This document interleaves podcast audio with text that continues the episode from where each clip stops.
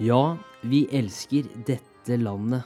Som det stiger frem, furu verabet over vannet med de tusen hjem. Elsker, elsker det og tenker på vår far og mor, og den saganatt som senker drømmen på vår jord. God 17. mai-feiring på etterskudd, andre året på rad hvor vi feirer med en pandemi. Sett bort ifra manglende lyder fra bråkete russ i gatene, barnetog og generelt en folkefest, håper jeg du hadde en fin feiring. Dagens gjest er Gaute Godager, en person som har hatt en unik dobbeltkarriere. En som klinisk psykolog og en annen som spillutvikler. Han var med å grunnlegge det norske videospillselskapet Funcom i 1993, hvor han jobbet i 15 år. Deretter oppnådde han en doktorgrad i klinisk psykologi, før han ble kreativ direktør i Atensi, et norsk selskap som spesialiserer seg på spillbaserte simuleringer. Gaute leder det kreative teamet, som har kontorer i London, Oslo og California. Han er fascinert av den pedagogiske siden ved å spille spill, og bruker det som et lærings- og treningsverktøy. Gaute er en forkjemper for gamification i arbeidsmiljøet, og bidrar til å gjøre læring til en morsom, engasjerende opplevelse. I stedet for å bare bli lært, blir brukerne bedt om å utforske og til tilfredsstille nysgjerrigheten. I dagens episode prater vi om hvordan det var å starte et videospillselskap på begynnelsen av 90-tallet og reise med Funcom, kjent for Age of Conan, Anarchy Online og The Secret World. Fra ydmyke nordmenn til den internasjonale spillscenen og det eh, kinesiske teknologiselskapet Tencent, som i dag eier Funcom. Vi prater om hvordan Gaute tidlig ble interessert i mennesket, og hvorfor vi gjør som vi gjør, hva som driver oss, hvordan vi fatter beslutninger.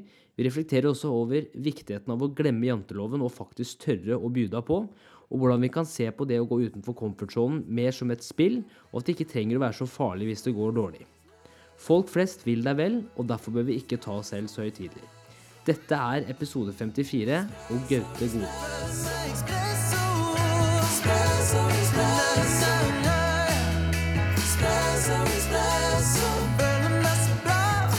Ja, i dag er det regn, og eh, dagens gjest har kriga seg helt fra Oppegård på motorsykkel hit til Myntgata 2 for å ta en prat med meg. Yes. Hvordan går det, Gaute? Jo, det var, eh, det var bløtt, men eh, det er litt varmere nå, så det går greit. Nå har du fått en kopp kaffe, det er Yes. litt vann, eh, så jeg håper det har vært verdt det så langt. Ja, da vi dette, Jeg tror dette blir morsomt, jeg. Ja, kjempegøy. Først og fremst så vil jeg bare si at vanligvis når folk er med på den podcasten her, i hvert fall i ettertid, når vi er på slutten av eh, episodene, så pleier du å si at det er som å måte være med, være med, være med en gratis hobbypsykologitime. Gå litt i terapi. Gå litt i terapi. Eh, men i dag så har vi jo faktisk en psykolog, psykolog på plass. Ja. Eh, Så nå blir det morsomt eh, om du på slutten kan på en måte vurdere mine evner som psykolog, da. ja da, ja da. Det Ja. skal du få. Herlig. Kjempebra. Så først og fremst eh, Vi har jo altså, Jeg jobber i Ardoc, eh, og vi har jo også brukt Atensi de siste månedene. Eh, og jeg skal jo la deg få lov til å forklare litt hva Tensi er, men grunnen til at jeg ville begynne med det, er for at på en måte læring og på en måte, i hvert fall gjennom oppveksten min, uh, gjennom studiene, så ser jeg at det er mye rom for forbedringspotensial. Eh, både i forhold til hvordan jeg selv tar tak i egen læring, men også hvordan det er tilrettelagt. Mm. Um, og for noen måneder tilbake så begynte vi å bruke Atensi med våre kunder og prosesser og sånn. Eh, og den måten å lære ting på, særlig med Arlock, veldig komplekse ting, Mm. uh, har jeg sett at dere har forenkla. Uh, kan du bare begynne med å fortelle litt om hvorfor akkurat den delen av jobben er så viktig? Det dere gjør? Ja, det, det gjør det enkelt. Altså, Atensi er jo et firma som eh, er basert her i Oslo. Eh, vi driver med eh, trening eh, og bruker spillifisering, eller på godt norsk da, gamification, eh, for å hjelpe folk. Og det vi ser, det er at eh, når man motiverer folk til å gjøre ting som eh, er komplekst eller utfordrende eller vanskelig, eh, litt lekent, eh, og litt liksom at du ikke har så veldig fokus på det tunge, så repeterer folk mer og husker mer, og det blir mer relevant for dem. Det er jo kanskje litt sånn menneskeheten, eller alle dyr, har lært gjennom alle tider, da, å leke seg fram til svaret. Så det føles veldig naturlig for de fleste å drive med dette. Altså bruke gamification, eller spille seg fram da, Ja. til uh, kunnskap. Mhm. For det er jo, hvis man på en måte ser tilbake på altså, måten å lære på altså, Når man var yngre, så var man veldig åpen og kreativ. og Man tenkte ikke begrensninger, man bare prøvde og feila. Og så Ja. lærte man det nå. Og mer vi har lært, og eldre vi har blitt, jo mer rammer har vi jo satt på oss sjæl. Ja, ja. det er veldig sant. Jeg tenker, jeg, det jeg ofte liker å sammenligne gamification med, det er som escape room-læring.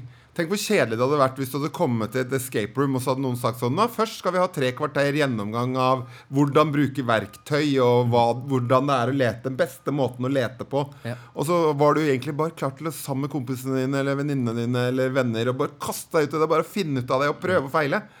Fordi det er det som kjennes så naturlig. Og sånn er det vi liker å gjøre det. Vi liker å ikke lekse opp alle svar. Bare kaste deg ut i det. Og så, etter hvert, så begynner du å danne dine egne teorier. Og så leter du på nye måter og finner svaret på nye måter. Og det føles mye mer organisk. Det føles mye mer naturlig. Ja. Og så er det gøy å konkurrere mot noen, selvfølgelig. Det er jo å gjøre det bedre enn andre. Det er Yes. kjempemorsomt. Ja, den, der, den gamification-delen og den konkurransedelen Mm. er også noe som vi ser hos oss har, har på en måte gitt skikkelig mye mersmak. Ja. Eh, for du vil jo være bedre enn kollegaene dine, eller eh, ikke sant? Mange vil det. Mm. det sånn er det. Sånn er det. Um, men når dere, eller når Atensi ble starta, da, så um, på en måte hva slags For det, du, jo også, du har jo også grad i psykologi, og det er doktorgrad i psykologi. Nei, jeg er psykologspesialist. Psykologspesialist. Ja, og det er, den, det er en klinisk utdanning. Ehm, det er samme opplegget som legene har når de blir kirurger. De er starter som doktor, og så blir de kirurg, liksom. Ja. Det er det samme opplegget for oss psykologer. da Vi Ja. blir spesialiserte. Kult. Og når dere, eh, når Tensi ble starta, da, så hvis man, hva slags, hvis man bare ser rett på utdannelsessystemet fra tidlig alder, Mm. hva er det man kan forbedre? Altså Ref det dere har prata om og prøvd å gjøre noe med. Ja. Um, nei, altså uh, For det første så tror jeg jo at eh, Eller vil jeg si at men mennesket er jo kommet utrolig langt når det gjelder det å være gode på uh, læring og utdanning og sånn. Det er jo uh, Vi har jo fått skapt faktisk et utrolig samfunn som er uendelig mye mer komplekst enn det hjernens øh, DNA ble ut, liksom, utformet for å takle. da.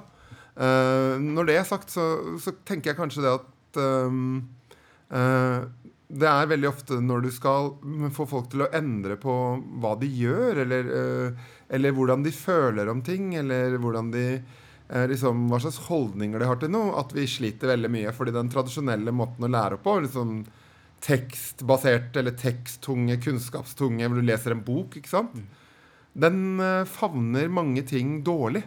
Um, og det kan jo være f.eks. hvis du er på en arbeidsplass og du ønsker å innføre nye verdier eller nye holdninger eller nye måter å gjøre ting på. Hvis du tenker på koronasituasjonen, hvor, det, hvor viktig det var at folk skulle begynne å bruke sprit når de kom inn og ut av rommet. ikke sant? Sånne type um, handlinger som du skal gjøre veldig mange ganger og repetere. Så er det å lese en bok lite egna. Um, og det er å kunne på en måte simulere, for det driver vi også med, simuleringer. Og gamifisere ting, altså leke rundt det. Uh, det tror jeg kan være veldig nyttig med, i alle disse uh, tingene som møter følelser og holdninger og handlinger og kunnskap eller forståelse på den andre siden. Da. At det nytter ikke å gå gjennom alltid gjennom forståelsen uh, for, uh, liksom, for å få folk til å endre på hva de gjør fysisk. Da. Uh, som hvis jeg skulle gjette om du skulle trene neste uke, f.eks. Vet du hvilket spørsmål jeg skulle stilt deg da? Hvis jeg skulle gjette hvilket, hvorvidt du skulle trene neste uke? Hvis som er den aller største liksom, be beste prediktoren da, for det? Eh, gjette. åh, eh, Så stille et spørsmål. Ja, hva, eh, hva ønsker du å oppnå? Nei, Nei? nei, det er ikke det. Og det er heller ikke 'har du lyst til å trene neste uke', eller 'er du motivert for å trene neste uke'? Hvis jeg hadde spurt 'trente du denne uka', Mm. da er det det som er den sterkeste prediktoren. Det du gjør, predikerer ved hva du kommer til å gjøre. Ja. Og sånne type innsikter, å få det inn i læringen, sånn at du kanskje hjelper folk å endre på måten de gjør ting på, uten at de på en måte egentlig alltid er så motivert for å gjøre det i seg selv. Da. Men du hjelper folk til å gjøre det fordi det er gøy å gjøre det inni en simulering eller med gamification. Og så vil den atferden da med større sannsynlighet eh, sitte fast da, Ja. som en eh, viktig del av livet til folk. Har, eh, har Atensi noen tanker om å gå inn i utdanning? Vi har jo alltid sånne, sånne eh, forskjellige baller i lufta som vi titter på og øver på og, og tester ut og liksom eh, forsøker å, å, se hvor vi kommer. Og vi, det er jo en av de som vi har tenkt på. Men eh, eh, men på en måte det som starta for Atensi, og som har vært drivkraften lenge, det er jo sånn business to business uh, først og fremst. da. At uh, det er um, det er uh, at vi skreddersyr noe for folk som Ja. passer til det de driver med. Eh, og jeg tenker kanskje hvis vi skal inn i utdanning, så må vi heller skreddersy verktøyene våre, sånn at de passer at folk kan putte innhold i dem selv. At lærerne kan lage sitt eget spillifiserte opplegg for elevene sine, eller, eller noe sånt. da. Spennende. Det gleder jeg meg til å, gleder meg til å Ja, jeg med også på. syns det hadde vært gøy. Ja. Eh, og i dag, vi skal, jo, vi skal jo prate om en god del ting, og, og um, vi skal jo også prate mer om Atensis seinere, men også Det har jo vært en tid før det også, som jeg Ja, ja. syns er veldig interessant. Ja, det er bra du styrer, Henrik. Du får være sjefen her. Jeg styrer, jeg, jeg styrer babler, skuta, jeg prøver. Jeg er sjefføra. Uh, og jeg har jo veldig lyst til også å bli bedre kjent med på en måte oppveksten, hva slags tanker og ambisjoner du hadde på den tida. Mm. Uh, men så har jo også du vært med og, og starta et spillselskap som har jo blitt, det har jo blitt svært altså i forhold til hva dere har fått til. Eh, og det er jo Funcom. Mm.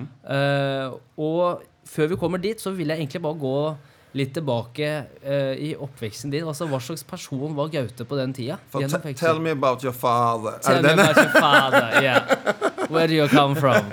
Ja. Nei, uh, ja, uh, da jeg var liten og sånn. Nei, så Ja, hva skal man si om det? Er det noe spesielt du lurer på? Du får bare Hva slags interesser hadde du? Ja, jeg tror nok På mange måter så var det eh, litt mer kjedelig å være liten uh, på 70-80-tallet som jeg var, enn det det er i dag. Og på en annen måte så var det veldig bra. eh, fordi um, det var lite skjermer som oppholdt, opptok meg på den måten. Det var, jeg husker jo det var som barne-TV på kvelden, og det var det. Ja.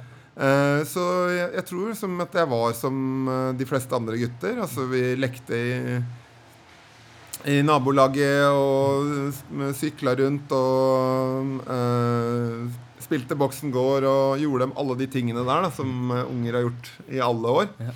Uh, jeg, jeg tror kanskje det som Hvis det var noe som var annerledes med meg, så var det sikkert at jeg at jeg ganske tidlig begynte å tenke på hvorfor folk gjør som de gjør. Altså at jeg hadde den derre litt sånn eh, At uh, uforutsigbare mennesker var såpass ubehagelige at jeg, at jeg liksom problemløste hvorfor de var som de var, og hvorfor de gjorde som de gjorde. Ja. Ikke det at jeg hadde mye uforutsigbare mennesker rundt meg. Jeg hadde en veldig vanlig oppvekst. Uh, men uh, i hvert fall sammenlignet med de jeg har møtt klinisk, da. Eh, så, så var det så var det sånn at jeg synes det er interessert for det som ligger under. Og så var jeg sånn Jeg likte å lage ting. Eh, så jeg var, hadde liksom frøene til det som har blitt meg i dag allerede da. At jeg var både litt sånn kreativ og lagde ting og holdt på ute i boden og Eller eh, gjorde sånt noe. Eller at jeg eh, eh, tenkte på hvorfor folk eh, ble som de ble og gjorde som de gjorde.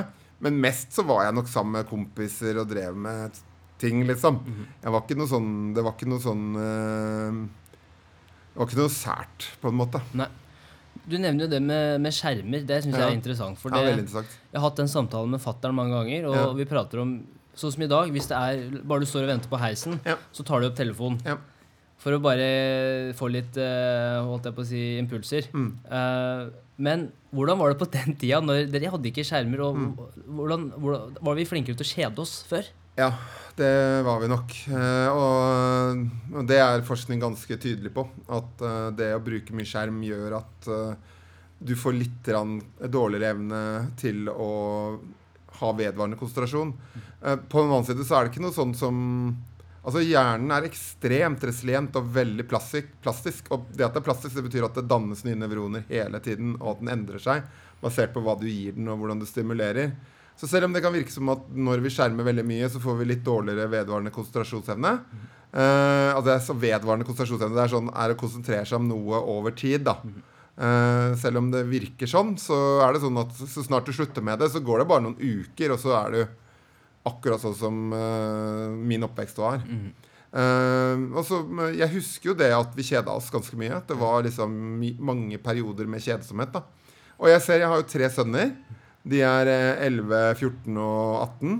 Og de har jo øh, litt sånn forskjellig da. De blir bedre når de blir eldre, men når de er så ganske små, så er det ubehagelig for dem å vente. Ja. Da er det liksom gi meg noe skjerm med en gang. Mhm. Og det synes jo som pappa sjøl, så syns jeg jeg bruker vel uforholdsmessig mye tid på å regulere barna mine sin skjermtid. da. Ja. Altså Jeg lurer jo nesten på hva er det foreldrene mine dreiv med? Hva var det de gjorde liksom eh, når de ikke hadde den der kampen mot skjermen hele tiden? Mm. Um, og det tenker jeg på, det ser jeg jo når, når, når vi har sånn skjermfrie dager, eller uh, vi kjører langt og Nei, nå legger vi på skjermen. Da begynner det jo litt og, Da blir det mer høylytt og litt mer krangling og, Ja. og liksom knuffing og den der knivinga mellom unger, da. Ja. Som, og mellom søsken, som også har vært der bestandig. Ja. Den, store slår på den mellomste som slår på den yngste. Det er jo standard opplegg, liksom. Yep. Og så, så det er jo Det er jo deilig å slippe det, Ja. det må jeg si. Men, Ja. eh, men allikevel, ja. Nei, det, det var nok mindre, mindre aktivitet sånn sett, da. Ja. Mer kjedsomhet. Og det, den vedvarende konsentrasjonsevne, det å sitte stille lenge, det er jo en av forutsetningene på en måte kanskje for å dagdrømme. Mhm. Eh, og være kreativ. Altså at du er trygg, men kjedelig. Mhm. Da begynner jo hjernen å skape. Hva skal jeg gjøre nå? Skal jeg drømme av gårde, eller skal jeg skape noe? Det.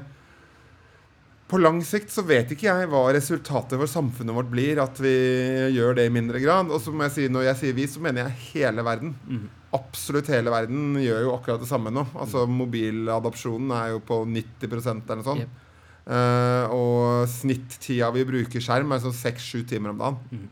Eh, og den har jo skutt fart, fart i koronatida. Har Ja. virkelig gønna på og gått opp med en time, liksom. Mm. Så nei, det Det er jo eh, et faktum. Ja. Det skal bli interessant å se om 20 år, når man har forska på det, hvor, eh, hvorvidt man tenker at det er skadelig for særlig unge mennesker da, Mm. Eh, å bruke mye skjerm, og hvorvidt man på en måte kommer med lovregulering som styrer det. Ja. Da skal det være ganske skadelig da, før man gjør det, men Yep. uh, man gjør jo det med alkohol og tobakk og sånn, så da tenker jeg jo at uh, det kan hende det kommer Mm. eh, for de minste også. Og så er det, det er jo fortsatt veldig ungt. Det er jo et ungt fenomen fortsatt. Ja, det er jo det. Mm. Det er jo Jeg husker jeg fikk min første mobiltelefon Jeg vet ikke, slutten av 90-tallet eller noe sånt. Ja. Midten av 90-tallet. Husker ikke helt. Men eh, det var jo merkelig. Mm. Uh, og et, nå er det jo Det er jo Folk får jo sorgreaksjon når de mister mobilen sin eller den går i stykker. Det blir jo en ekstra hånd. Ja, det blir det. Det blir, eller, eller enda mer. Det blir som et kjæledyr, liksom. Det blir som å miste et, en sans, er det noen som sier. Altså, det er som å bli blind. Ja. Fordi du får liksom ikke connecta med verden eller med mennesker rundt deg. Nei. Så det er ganske sterkt. Du- nevner jo i forhold til det Det synes jeg var interessant, for jeg har jo, jeg har jo eh, Mine søstre har jo også barn. Ja. Og eh, jeg har ikke barn ennå, så vi får se om det skjer Mm. en gang i framtida. Fingre. Fingra. Eh, men det du nevner er så morsomt, da, for det er jo lett å gi dem skjermen, for da blir de rolige. Mm. Tror du det kan være en, en felle for mange foreldre? At ikke sant, Istedenfor å, sånn som du sier da, sånn som det var før i tida, når det var mye mer støy og de var mye, mye aktivitet, at nå er det bare sånn Bare gi de skjermen, og så bare blir det en sånn barnepasser, på en måte. Ja, jeg, for, altså, min opplevelse av foreldre det er at øh, de er alle sammen nesten, altså 99,9% er så fylt av kjærlighet til barna sine, og de vil bare det beste. At det er ikke det som er hovedmotivasjonen for å gi barn skjerm. Det er fordi at barn blir veldig glad for det og setter veldig pris på det og, og blir eh, tydelig liksom eh, positivt aktivert. da. Så det er jo kjærlighet som driver folk. eh, Det er det samme som liksom når Uh, når uh, foreldre liksom sier sånn 'Pappa, pappa, kan jeg få en sjokolade?' Når barna sier 'Kan jeg få en sjokolade?' Og så gir de sjokolade. Så det er jo ikke sunt å spise sjokolade hele tiden, så, men du gjør jo det fordi du er glad i ungene dine og vil at de skal være glad. Så er det nok mer det enn at det er latskap og egoisme hos foreldrene. Det er ikke det som Er du ego og lat, så blir du ikke mamma eller pappa, stort sett. I hvert fall ikke i dag, hvor Nei. du kan bestemme så mye sjøl. Ja. Så jeg, stort sett folk er veldig bra foreldre. Ja. Eh, tilbake i oppveksten din, for du nevnte jo at du har alltid vært glad i å, å, å lage ting. Ja. Jobba i boden, og på en måte selvfølgelig også forstå hva er det som gjør at mennesker gjør de valgene de gjør. Ja. Eh, og på den tida, så i forhold til karriere og ambisjoner, det, ikke, det var kanskje ikke like vanlig sånn som det er i dag, hvor det er et, virker som det er utrolig karrierejag hos Mm. yngre folk, uten at de egentlig tenker over hva det er jeg egentlig har lyst til. Ja. Uh, men hvordan var det for deg? Hva hadde du sett for deg på en måte, la oss si når du kommer på ungdomsskolen, videregående? Hva slags tanker hadde du om om veien videre da? Når jeg gikk på ungdomsskolen, så, så hadde jeg ikke egentlig noen uh, tanker om det. Men jeg begynte på videregående, og det begynte å røre seg litt opp i hodet, så begynte bare rett og slett ubehaget å øke. Fordi jeg klarte på en måte ikke å finne ut hva jeg skulle gjøre. Jeg hadde en karriereveileder en gang, eller en sånn rådgiver eh, på videregående som sa sånn Nei, men Gaute, du, du prater som en psykolog, og du tenker som psykolog, du burde bli psykolog. Og var det én ting jeg visste ikke skulle gjøre, så var det å bli psykolog. Det var jo noe jeg virkelig forakta. Det syns jo jeg virka som mennesker som bare var ute etter å manipulere andre og styre. og Det var liksom litt den der angstfulle, kunnskapsløse framstillingen som uh, kanskje hadde fått rundt omkring, da, media og andre steder. Nei, det skulle jeg ikke gjøre. men... Så jeg sleit egentlig veldig med å Nå reiser Henrik seg for å lukke vinduet. Sorry, bare en liten sånn der Jeg hører at eh, det er litt uh, gode lyder i bakgrunnen. Ja, det er bra. det er bra Ikke forstyrre Gaute når Nei, det går fint. Det var lurt, det. Uh, nei, så det er, ikke, det er, ikke, Jeg hadde på en måte Jeg sleit veldig med å finne ut hva jeg skulle gjøre.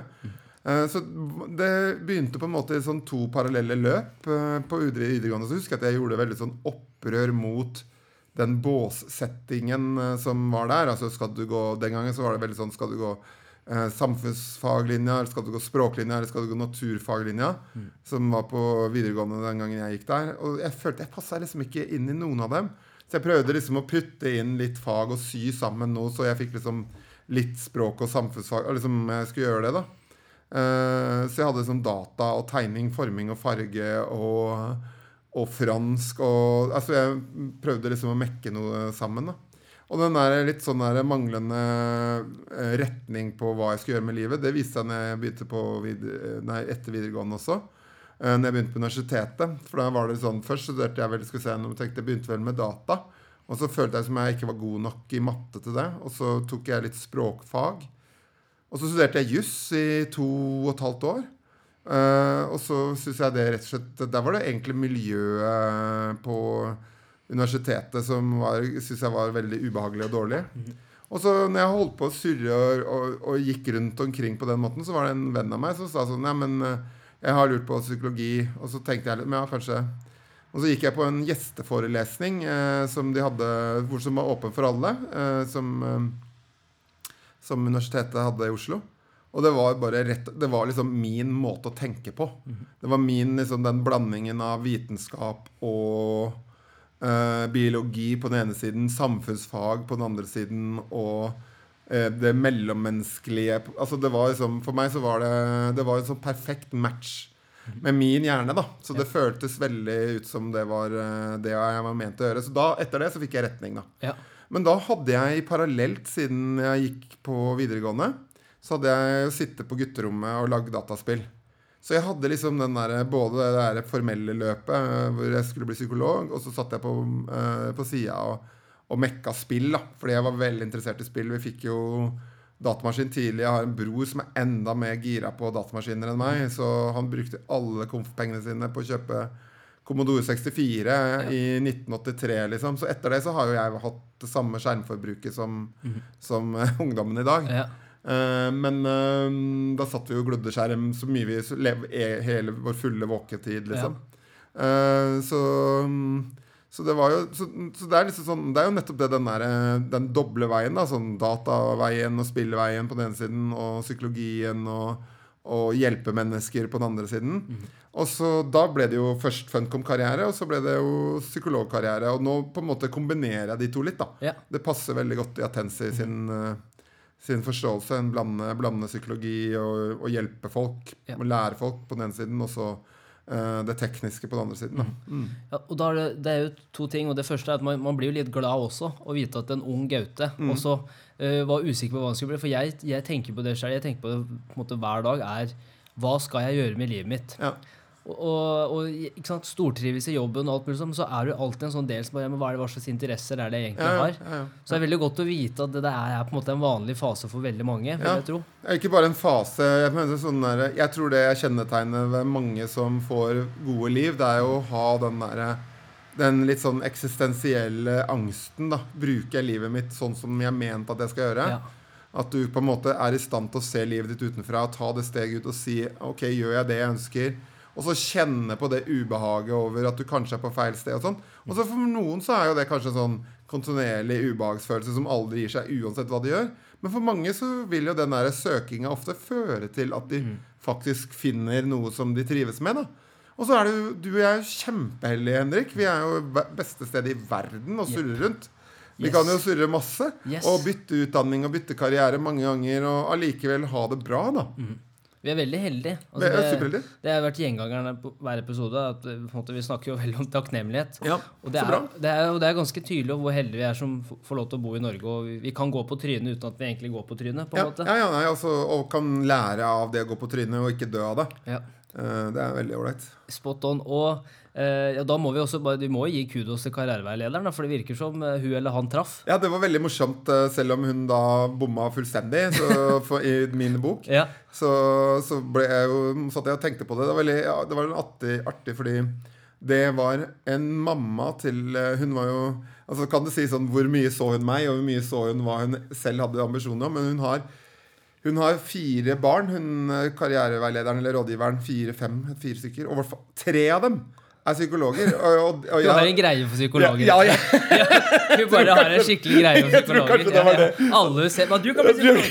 Du kan bli psykolog. Ikke sant? Alle sammen. Ja. Ja, det, jeg vet ikke om hun har det, eller om det er liksom en del av det mindsettet til den familien. Da. Men jeg har jobba sammen med tre av dem, og de er veldig ålreite, fine folk. Så, så det var litt sånn morsomt når jeg skjønte at eh, det var henne. Ja. Uh, så jeg har tenkt på det ettertid. Altså, Ja, var det at hun var så klarsynt, Ja. eller var det at hun elsket psykologer? Yes. Kanskje hun drømte om å bli det selv, samfunnet. Ja, ja. Vi lever gjennom La meg tenke på hva du skal gjøre. Jeg tror kanskje du bør bli em, psykolog. Veldig god til å stille spørsmål. Veldig god til å stille spørsmål Jeg vært i det rommet her, så kunne jeg egentlig få, endelig få bevist om jeg faktisk burde bli psykolog. Hvis jeg hadde sagt noe annet, så hadde jeg skjønt Ja, har du at lyst til å bli psykolog? Ja. Nei, jeg syns det, er- jeg synes det er kjempeinteressant med Det skjønner jeg veldig godt. Det er med, kjempegøy. ja. Det er kjempegøy. menneskelig psykologi. Og akkurat som du sier, det, det tenker jeg så mye på selv også. Hva er det som gjør at mennesker tar de valgene de gjør? Ja. Eh, og at det også er, sant, det er 24 timer i døgnet, og hva er det du velger å bruke den tida di på? Eh, fra du står opp om morgenen, hvordan er det du tenker? Det er så spennende. Og uh, sånn som nå, så, um, uh, så leser jeg en bok som på en måte um, uh, Unpredictable Irrational av eh, Dan Ailey, tror jeg han heter. Eh, litt sånn samme gata som Daniel Kahneman med Behavioral Economics. Jeg vet ikke hva det er. Ja, jeg kjenner, jeg kjenner Ikke den første, men den andre kjenner jeg. Yes. Ja. Og den delen der, på en måte at man sier at vi mennesker er så rasjonelle når vi tar valg, Mm. Så ser man jo, som, også du sikkert har funnet ut med, med forskning, at vi er jo ikke særlig rasjonelle. Nei, de fleste valg blir tatt uh, bottom up. Vi Ja. tenker at de blir tatt uh, top down. Eh, og det top down, når man tenker på det, så tenker man altså at, du, at du på en måte holder de forskjellige valgmulighetene dine opp, da, altså rasjonelt veier for og imot og sånn. Ja. Men for de aller fleste så er det sånn at det kommer fra automatiserte prosesser under bevissthetsnivået ditt. Ja. Og så formulere Så bruker vi Altså Jeg har noen kollegiske kolleger psykologer som pleier å si at tanken og språket er som eksos. Eh, det er det som kommer ut etter at eh, motoren har gjort sitt, liksom. Ja. Og så, og så bruker, du, bruker du på en måte rasjonaliteten din og språket ditt til å, til å lage en historie om hvorfor du gjorde som du gjorde. Yes. Eh, en eh, veldig kjent hypnotisør fra 50-60-tallet, 70-tallet, Milton Erickson. Uh, han eh, gjorde noen veldig morsomme eksperimenter. Kan jeg bare fortelle om det? Ja, for jeg ja, synes det er kjempegøy. kjempekult. Ja, så han eh, hadde hypnose, Og så får man diskutere hvorvidt man tror på hypnose eller ikke. Altså, det er jo nok vitenskap der til å si at det er et fenomen som eksisterer. Uh, de hadde, han hadde hypnotisert en kar til å følge med på brillene hans. Og når han tok på brillene, uh, så skulle han reise seg og åpne vinduet. Det var kommandoen, da. Og da tenker man jo det at eh, det gjøres det, Du går inn og gir, gir den der instruksjonen på et mer sånn ubevisst nivå. Så det er ikke en sånn bevisst beslutning 'nå skal jeg reise meg'. og stille». Det er liksom at kroppen begynner å lyde. da Eh, og så satt han, så eneste du la merke til med han, var at han satt og så på Milton Erickson. Da, og så fulgte med på brillene hans. på en måte, og Så tok han på brillene Og så reiste han seg opp og begynte å gå mot vinduet. Uh, mens det var i en gruppesammenheng. da De satt og prata sammen. Ja. Og så når det har kommet liksom et par meter, så sier han sånn «Ah, Uff, er det ikke veldig innestengt luft her? Veldig dårlig luft. Og da hadde han lagd en uh, forklaring for det sosiale, for hvorfor han beveget seg mot vinduet. Ja. Og da beveget han seg videre og åpna og satte seg ned igjen. Akkurat som det ikke var noe som hadde skjedd. Og, det, og den, den der syns jeg er en sånn ganske treffende forklaring på hvordan Ja. veldig mye skjer i, i, i sjela vår. da Yes. Eh, og, det, og det er jo veldig morsomt, eh, det der eh, at det er det mange sånne underliggende automatiserte prosesser da, som ting du har gjort mange ganger før, Ja. som styrer hva du gjør i dag i, i, i stor grad. Og så er det jo faktisk sånn at det å være bevisst og det å ta et, et virkelig valg, det krever ganske mye uh, det krever konsentrasjon, og det krever mye uh, effort. Da. Det krever liksom en del energi å få til. Ja. Eh, så man ser jo f.eks. at mennesker gjør bedre valg eh, tidlig om morgenen. Mm. eh, når du er våken og den konsentrasjonsmuskelen er på topp. da Ja. Sammenlignet med sent på kvelden. Da. Så du burde ikke gjøre sånne viktige valg Nei. eh, sent på kvelden, som f.eks. å finne framtidig partner og sånn. Yep. Men det er jo nettopp Det er jo nettopp det veldig mange gjør. De, de gjør den aktiviteten. Ja, det er da vi gjør det. Fordi vi finner kanskje partner med en annen del av oss enn det rasjonelle. Ja. Det er Eh, veldig interessant, faktisk. Yes, det er, jo, ja, det er jo veldig morsomt eh, hva det er som gjør at vi velger partnere. Det er jo u- Vi gjør det på kveldstid, rett og slett. ja, vi gjør det på kveldstid, og vi gjør det basert på kanskje mer eldre deler av hjernen da, som ikke er språklige, og som ikke er basert på konsentrasjon. Ja. Eh, sånn at det blir på en måte sånn at jeg, jeg velger partner med kroppen min, eh, Ja. mer enn jeg velger partner med hodet mitt. Ja. Så- for det, det som jeg syns er veldig fascinerende med nettopp det der med Som du sier, da, at man eh, han, hadde en, en gjest eh, på tidligere episode, Lasse Brurok, Mm. og vi snakka om det med kognitive evner. Og, og man kunne se på det som et glass som var fullt med vann, Mm. eller som fyller seg opp med vann. Og i løpet av dagen, da, hvis du gjør mer, mer og mer ting, så fyller jo det glasset opp, og til slutt så renner det over, og så Mm. er du helt og etter det så har jeg begynt å tenke litt sånn i forhold til meg selv, da, hvordan er det jeg kan fungere best i hverdagen. Mm. Og akkurat det du sier der, det der med å gjøre de mer på en måte de viktigere valgene på morgenen, eller i hvert fall eh, på en måte planlegge dagen, dagen før, så at du ikke trenger å bruke noe, noe, noe tanker på hva du skal gjøre den dagen. Um, men hva, hva tror du gjør at mennesket funker optimalt? Hvordan kan man bli bedre altså Bare for å gå kjapt inn på det, kan, hvordan kan man bli bedre kjent med seg selv som person, og hvordan man selv fungerer? Jeg tror at det aller viktigste du skal gjøre for å bli bedre kjent med deg selv, det er å ha en åpen og velkommen holdning til alt som kommer innenfra. Så hvis du kjenner noe ubehag eller negative følelser eller noe at noe er sånn noe stritter imot på en eller annen måte, så vær liksom litt nysgjerrig på det, vær litt interessert i det, vær litt sånn åpen for det.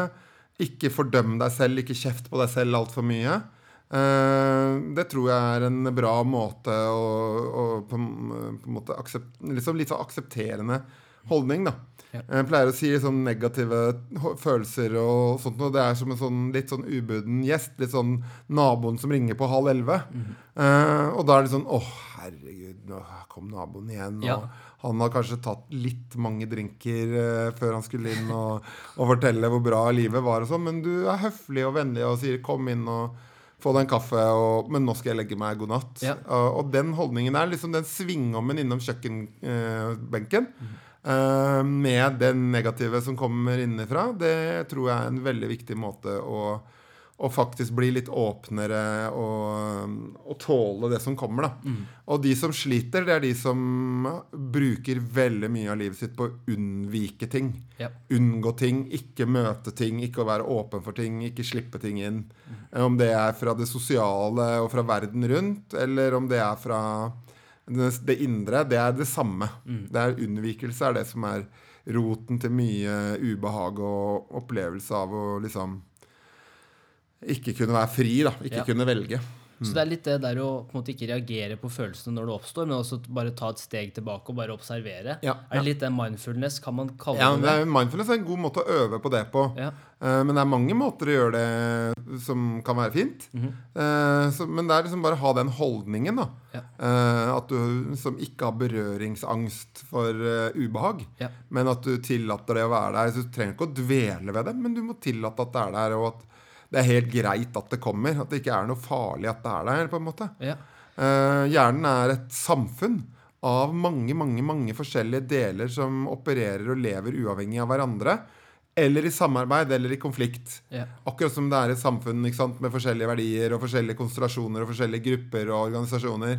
Og sånn er det inni hjernen også. Noen deler samarbeider, noen krangler med hverandre. Og din jobb er litt sånn Det er ikke å være Det er ikke å være sjefen eller konduktør eller altså Eller liksom dirigenten. Du er mer som en sånn eh, personlig trener som heier på visse deler av deg selv. 'Kom igjen, kom igjen, stå på, du kan få det til.' Det er mer hvem du er, jeget ditt, på en måte. Ja. Er ikke sånn sjef 'Nei, du skal ikke si det, det er ulovlig'. Det er feil måte å Mm. forholde seg til det indre på. Ja. Og litt det der med å bygge sin egen vei og være åpne for det som, det som kommer også. Både på innsida og utsida. Eh, så hvordan var det det- er jo så viktig å spørre, men hvordan var det å drive med utvikling av spill på 80-tallet?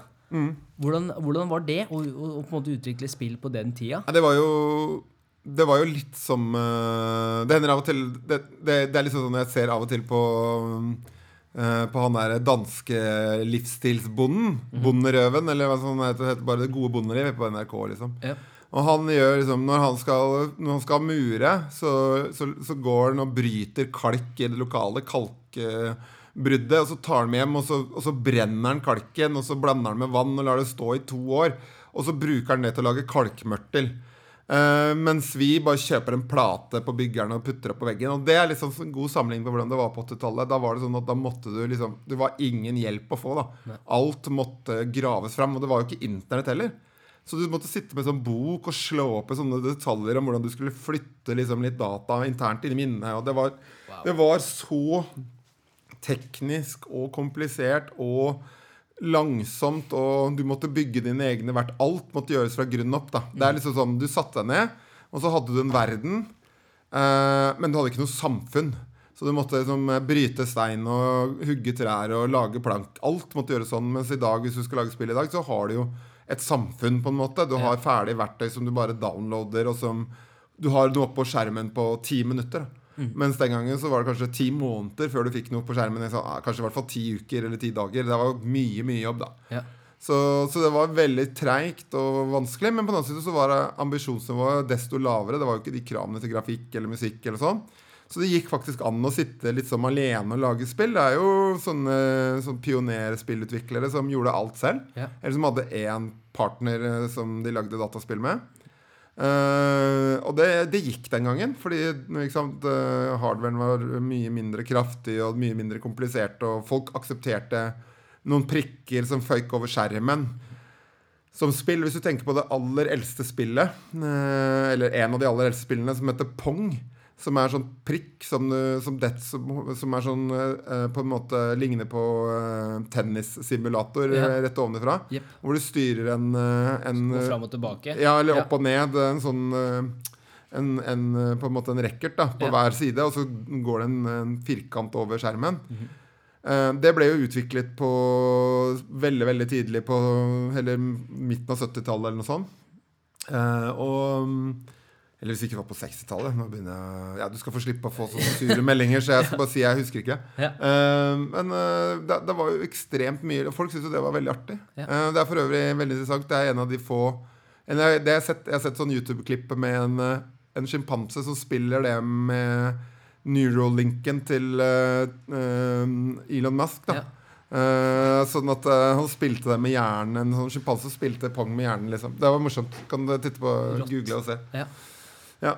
Når, når skjønte dere at Funcom kunne bli et levebrød? Altså, Når var det dere skjønte at å, dæven? Ja, det, er, eh, det tenker jeg jo det, det For meg så var det det var, det var jo Det var jo ikke Jeg var jo ikke den derre som elska å være gründer og starte bedrifter og sånt noe. Jeg var jo, hadde jo sittet og lagd spill på gutterommet lenge, og så gikk det dårlig fordi den jeg lagde spillet på Amiga. Det var jo en Commodore-maskin som kom etter Commodore 64 og sånn. Eh, den eh, gikk, gikk ned for tellingen av Commo- Commodore gikk konk, rett og slett. Eh, tjente ikke penger. Og så og da hadde jeg sittet og laga på den plattformen i mange år, så jeg var veldig sur. Og så ringte jeg han derre hva skal jeg kalle det, handleren min i Commodore Norge og kjefta, kjefta på han. da Ja. Eh, og så var jeg, var sur, jeg var bitter over at jeg hadde brukt så mye tid. Og så ble det ikke noe Og da sa han ja, men jeg kjenner noen som bruker Commodore til å lage spill. Og da kom jeg i kontakt med en som het Erik Lørsen, og det var nok han som var liksom Mr. Funcom. Han hadde liksom den store kongstanken om å bli rik. Ja. Eh, at all, alle mann skal Porsche, husker jeg han sa. Det var en av de tingene han sa. Han var sånn veldig sånn gründer-gründer-fyr. Mm. Og jeg var mer sånn en, en uh, fyr som kunne en del ting, men som ikke Som jeg hadde jo ikke helt troa på Funcom, hvis jeg skal være helt ærlig. Jeg tenkte så, wow, en bra sted å være mens jeg venta. Fordi da hadde jeg vært ferdig med grunnfag i psykologi, og da var det lang ventetid etter grunnfag før man kunne fortsette profesjonsstudiet den gangen. da, På begynnelsen av 90-tallet. Uh, og da sa Ja, ja, så jeg ble liksom mer sånn Ja, ja, ja, dette går bra. Liksom, jeg jatta med, da, Ja. uh, for å ha noe å gjøre. Og så likte jeg å lage spill. Og så ble det bare mye større enn det alle hadde trodd, unntatt kanskje Erik. Uh, Han tenkte stort fra dag ja, han var visjonær, men han, det, han, han trengte nok sånne som oss, som kunne saker og ting. Ja. Han hadde visjonen og drømmen og passion, og så var det en del folk rundt som var opptatt av andre ting. da. Ja. Eh, så, så det var eh, det, da, Jeg tror ikke jeg liksom virkelig skjønte hvor stort det kunne bli før, før vi landa Disney som kunde, og det tror jeg var i 1995. Men det var, dere startet, var, det ikke, var det i 1993 dere starta? Ja, Vi var vel i høsten 92, begynte vi å prate sammen, og så ble det forma i 93. Ja, Og så to år seinere så signerer dere avtalen? Ja, ja, og da var vi 120 ansatte. Vi hadde vokst veldig veldig fort. da så, Også på den tida. Ja, altså Det som var bra den gangen, var jo at det var litt sånn Uh, Konsollens gylne tidsalder. da Det var uh, de som utga Det var jo ikke noe internett, sånn at alle som måtte alle som måtte spille, de måtte spille ved å kjøpe cartridger eller, eller CD-er eller, eh, eller disketter og sånn i butikken. Og det gjorde at de som ga ut spill, de som tjente penger, de tjente veldig mye. Så det de gjorde da, det var at de sa OK, det vi gjør, vi lager Vi, vi tar liksom så og så mange millioner dollar, og så lager vi dataspill for dem. Og så bare canner vi Elvis, og vi kansellerer halvparten av utviklingene. Og så, så utgir vi de kanskje de halvparten beste, da. Og så Ja. satser på så én av de halvparten, de ett spill i året eller to spill i året, det blir kanskje en hit, og det er nok til at vi overlever som firma. Så da var de veldig sånn investeringsglade, så de kasta gjerne penger etter sånne Ja. oppstarter rundt omkring i verden. da Eh, Fordi det var bare en bet, og Ja. du kunne liksom bette på 20 selskaper og likevel tjene penger. Eh, Så det var i den tiden der så var det mulighet for å få ganske mye Ganske lett å få sånne oppdrag. da Ganske lett. Eh, Jeg husker da vi starta Funcom, så var det sånn at vi satt nede i kjelleren i Munkedamsveien. Det var det første stedet vi vi starta, Det var en kar som het André Bakken, som var en av de andre grunnleggerne. Han hadde brukt dimmepengene sine på å leie det lokalet. Vært i militæret. Og så, så tok vi bare venner og bekjente og var der inne når, når publisher eller utgivere kom. Så virka det som vi hadde et selskap, da. Ja. Eh, Kontorer og full ja, kontorer. Alle bare satt der og Ja, det, holdt, på med sitt, da. ja. Og så, og så ja, Det ser ut som en bra setup og sånn. Ja, og da eh, Og da fikk vi pengene, og så vokste vi med den første, og så brukte vi det for å få neste kontrakt. Og så brukte vi pengene fra kontrakt nummer to til å kjøpe, gjøre ferdig spill nummer én. Så vi lå alltid et produkt etter, eh, på en måte, eh, som vi brukte til å vokse. da Så, så eh, Også en gang på slutten av 90-tallet så tok jo den eh, oss igjen. da Ja. Altså at vi hadde levd liksom på Vi måtte ekspandere for å ikke dø, på en Ja. måte. Eh, så da ble det en del oppvask og dårlige, dårlige relasjoner rundt omkring. Men Ja. Funcom overlevde og kom seg videre, da. ja. Hvor mange spill var det dere lagde i året i begynnelsen? Ett til to, tenker jeg. Ja. Eh, det, I begynnelsen det var jo, De produktene var jo mye mindre, og, og cartridgene var jo mye mindre. Og så etter hvert så ble det jo vokste vi jo når vi begynte å lage våre egne spill. altså Istedenfor å bare gjøre, gjøre sånn konverteringsjobber og, og tilpasningsjobber og sånn, som vi gjorde i begynnelsen. Når vi begynte å lage våre egne produkter, så mm, tok det jo flere år med Ja. en gang. Eh, da gikk jo ambisjonsnivået opp, og ja, det ble dyrere. Ja. Da var vi avhengig av gode investorer. Og det har jo Funcom den gangen har vært veldig heldig med. Hatt veldig mye gode investerings... Eller sånn tålmodige investorer, da. Mm. Så det skal de ha. Ja. Og hva har du du har eh, gjennom den reisen, da? Mm. Eh, og for de som på en måte ikke har lest på Funcom, det er bare å søke opp på nettet. Utrolig interessant. Men som for din del, var, gjennom den reisen og de årene, Mm. eh, hva er det du sitter igjen med? Hva har vært de største erfaringene for deg? Om det er teknisk, om det er bygge team, Ja. eh, osv. Jeg, Jeg, eh, jeg, eh, hmm, jeg, eh, jeg tror hvis jeg skal ta liksom, den tingen som jeg kanskje sitter igjen med, som jeg tenker er, er nyttig for folk, det er at eh, det går an å være Det går an å tenke stort også i Norge. At det går an å tenke at vi kan bli verdensledende i noe. Det går an å være eh, frekke og tro på oss sjøl. det, det går an å å, fake it till you make it. da Ja. Sånn som når jeg husker veldig godt hvis jeg var i USA og solgte. Og jeg visste at Å, herregud, nå sitter jeg og ljuger. Jeg kommer jo Dette her er jo? Ja, ja, men det var sånn Og det som var interessant da, det var liksom det Jeg ser på de som sitter og hører på, at de vet at dette er en, ikke en løgn, men en skrøne. Ja. Eh, Det, nå skrøner han litt, nå drar han til litt, og nå selger han godt, eh, liksom. ja. De vet at det er sånn, og de elsker det. Ja. Og de trekker The American way. Nettopp. De trekker fra de der skrønene. Og hvis du prøver å være veldig dønn ærlig da, så tror de at det er mye dårligere enn det det egentlig er. Ja. Så det er liksom den der kulturen med litt sånn American way og sånn skrøning og dra på litt og selge det og, og liksom sånn derre sånn, sånn, der, sånn Lyset faller på deg inni en stor sal, og det sitter fans og jubler, liksom. Hvis du tenker på sånn der promotering i i, eh, i Apple, liksom. Ja. Det ligner jo en kirke. Yep. Du tilber teknologien og liksom øh, og, og Messias øh, som kommer på scenen og forteller deg om Ja. noe, liksom. Så det, de har nok mye mer sånn at det, er, at det er lov. Og min opplevelse er at det er noe Det er forskjellig fra kultur til kultur, men i hvert fall i USA er det sånn. Ja. Mens kanskje når vi samarbeider med japanske eller koreanske partnere, eh, så forventa de mye mindre. Og da var det mye mer sånn edruelig og mye mer sånn typisk sånn norsk eller, eller nordisk eller, eh, eller liksom nordeuropeiske. da Altså at de ville ha Ville ikke ha den skrønen, de ville ha detaljene, og de ville ha det, det etterrettelige. da Ja. men, eh, men det som jeg bare sier, det der å ha litt tro på deg sjøl, og at det går an å liksom, forfølge det. Men at kanskje at det er fint Hvis du skal overleve som en sånn som tror på, så må du gå inn og ut av det. Du kan ikke være krampeaktig, holde fast i en drøm. Nei. Du må holde det litt lett, sånn at når du ser det etter en stund ikke går, så må du bytte ut med en annen drøm, på en Ja. Eh, fordi hvis ikke så vil du lide mye, da. ja. Du jo, nevnte jo det innledningsvis at i Norge så er vi, vi er utrolig heldige som bor i Norge. Ja. Men hvordan kan flere folk ta det steget ut, og, og uansett hva det er for noe, men det å på en måte tenke For det Vi hører jo også ofte om janteloven, og vi må se på amerikanerne. og men, men hva kan vi faktisk gjøre? Hva tror du, hva slags, er det noen verktøy som kan gjøre at vi, vi får litt høyere selvtillit? da?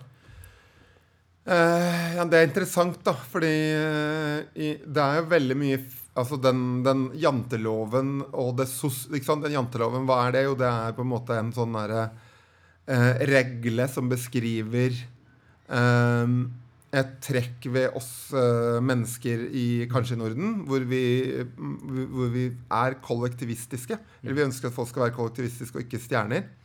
Og jeg tenker jo I den norske sammenhengen så har det tradisjonelt vært utrolig nyttig. Hvis du ikke tenker fellesskap, så går det under om vinteren, liksom. Så du måtte liksom være forsiktig.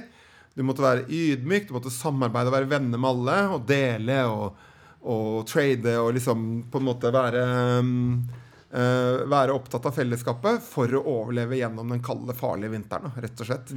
Så jeg tror på en måte den litt sånn der, mer sånn kortsiktige holdningen, eh, liksom mer 'se på meg, jeg er unik, jeg er en stjerne', den, eh, den er jo noe som har vært tradisjonelt veldig farlig i Norge, mm. tenker jeg, da, Ja. sånn samfunnsmessig. Og da har vi fått den innbakt. Altså det å bryte med det Jeg tenker jo mm, jeg tenker det gjør det mye lettere hvis du ser på det litt som et spill. Hvis du tillater deg å liksom tenke at dette er noe jeg gjør, dette, jeg gamer det litt, da. Det tror jeg, altså Du trenger ikke å mene det så hardt. Du trenger ikke å liksom, Når lyset går av, så kan du liksom skjønne at det, ok, det jeg har stått på scenen og sagt, det er ikke det trenger ikke å være noe jeg skal enten brenne i helvete for eller komme til himmelen for. Det, det kan være liksom Det kan være noe du leker fordi andre folk er lekne og har lyst til å leke med deg i utgangspunktet. Ja. Og verden er, sånn som jeg opplever det, fundamentalt et vennlig sted. Ja. eh, med folk som vil andre vel. Fordi det er jo det som eh, vi mennesker har blitt avlet for i uminnelige tider. Det er eh, eh, vennlighet eller prososialitet. da. Ja. Det, er, eh, det er nøkkelen til vår overlevelse. Mm. Så det er jo det i utgangspunktet folk er fundamentalt sett. At de vil andre vel. Akkurat som du kjenner mot folk rundt deg, stort sett. Mm. Eh, at du vil andre vel. da. Så Ja. tenke det at hvis jeg er litt leken og ikke holder det så hardt, eller le, liksom gamer det litt, så tror jeg det er lettere da Ja. å, å få til å spille det spillet. ja. Så rett og slett gamifisere litt eget liv? Ja, game det litt. Ja. Jeg, tror det er, jeg tror det er en nyttig holdning. Altså, eller så litt sånn skuespill. da Mm. At du liksom kan leke litt med det. Ja. Og jeg antar at også det, man tenker litt også litt da å ikke ta seg selv så uhøytidelig. Som Ja. du sier, hvis ting ikke går helt etter planen, og, og Ja. tørre å stå i det òg. Ja, for jeg tror hvis du tar det Det er jo mange som, mange som tar seg selv høytidelig også, og som på en måte blir litt sånn ufordragelige eh, overfor andre når de gjør det. Eh, og for noen går det kjempebra. Og jeg tror at hvis du har det drivet og den single-mindednessen, sånn, og du er 100 fokusert på det du driver med, så er jo sannsynligheten for at du lykkes høyere enn hvis du er litt sånn som meg, sånn litt Litt sånn, jeg er litt av det og litt av det og Nei, jeg har lyst til å gjøre litt av det og Nei, nå har jeg gjort det litt for mye. Lyst, altså den, den der, da. Der kommer du ikke til å lykkes like bra som hvis du er drevet til å holde på med det. Nei. Men sjansen for at du mislykkes, er desto mindre også. Sånn, For, det er liksom sikkert én million liksom Steve Jobs Jepp. for Steve Job, liksom. yep. uh, sånn at uh, jeg, jeg tenker jo det at du kan jo late som du er Steve Jobs, og så kan du allikevel synes det er ålreit å kunne gå hjem til familien din og Ja. ikke trenge at huset ditt er tomt for møbler, malt hvitt, og du bare har noen puter i hjørnet. Så det er, det er liksom grenser for hva du trenger, og hvor fanatisk du trenger å være. da Ja. Uh, men jeg syns jo det er interessant eh, Nå så jeg mm, at Elon Musk var ute og tulla med på Saturday Night Live at han var asperger. Altså at Ja. han hadde en, en, uh, en er på det som kalles autismespekter. Ja. Uh, og det syns jeg er veldig spennende. Jeg har jo sett han på sånn TED Talk og sånn, og det, jeg så tenkte med en gang Oi, oi, oi, her er det noe, Ja, det er det noe på spekteret. Liksom, det var tydelig, da. Mm.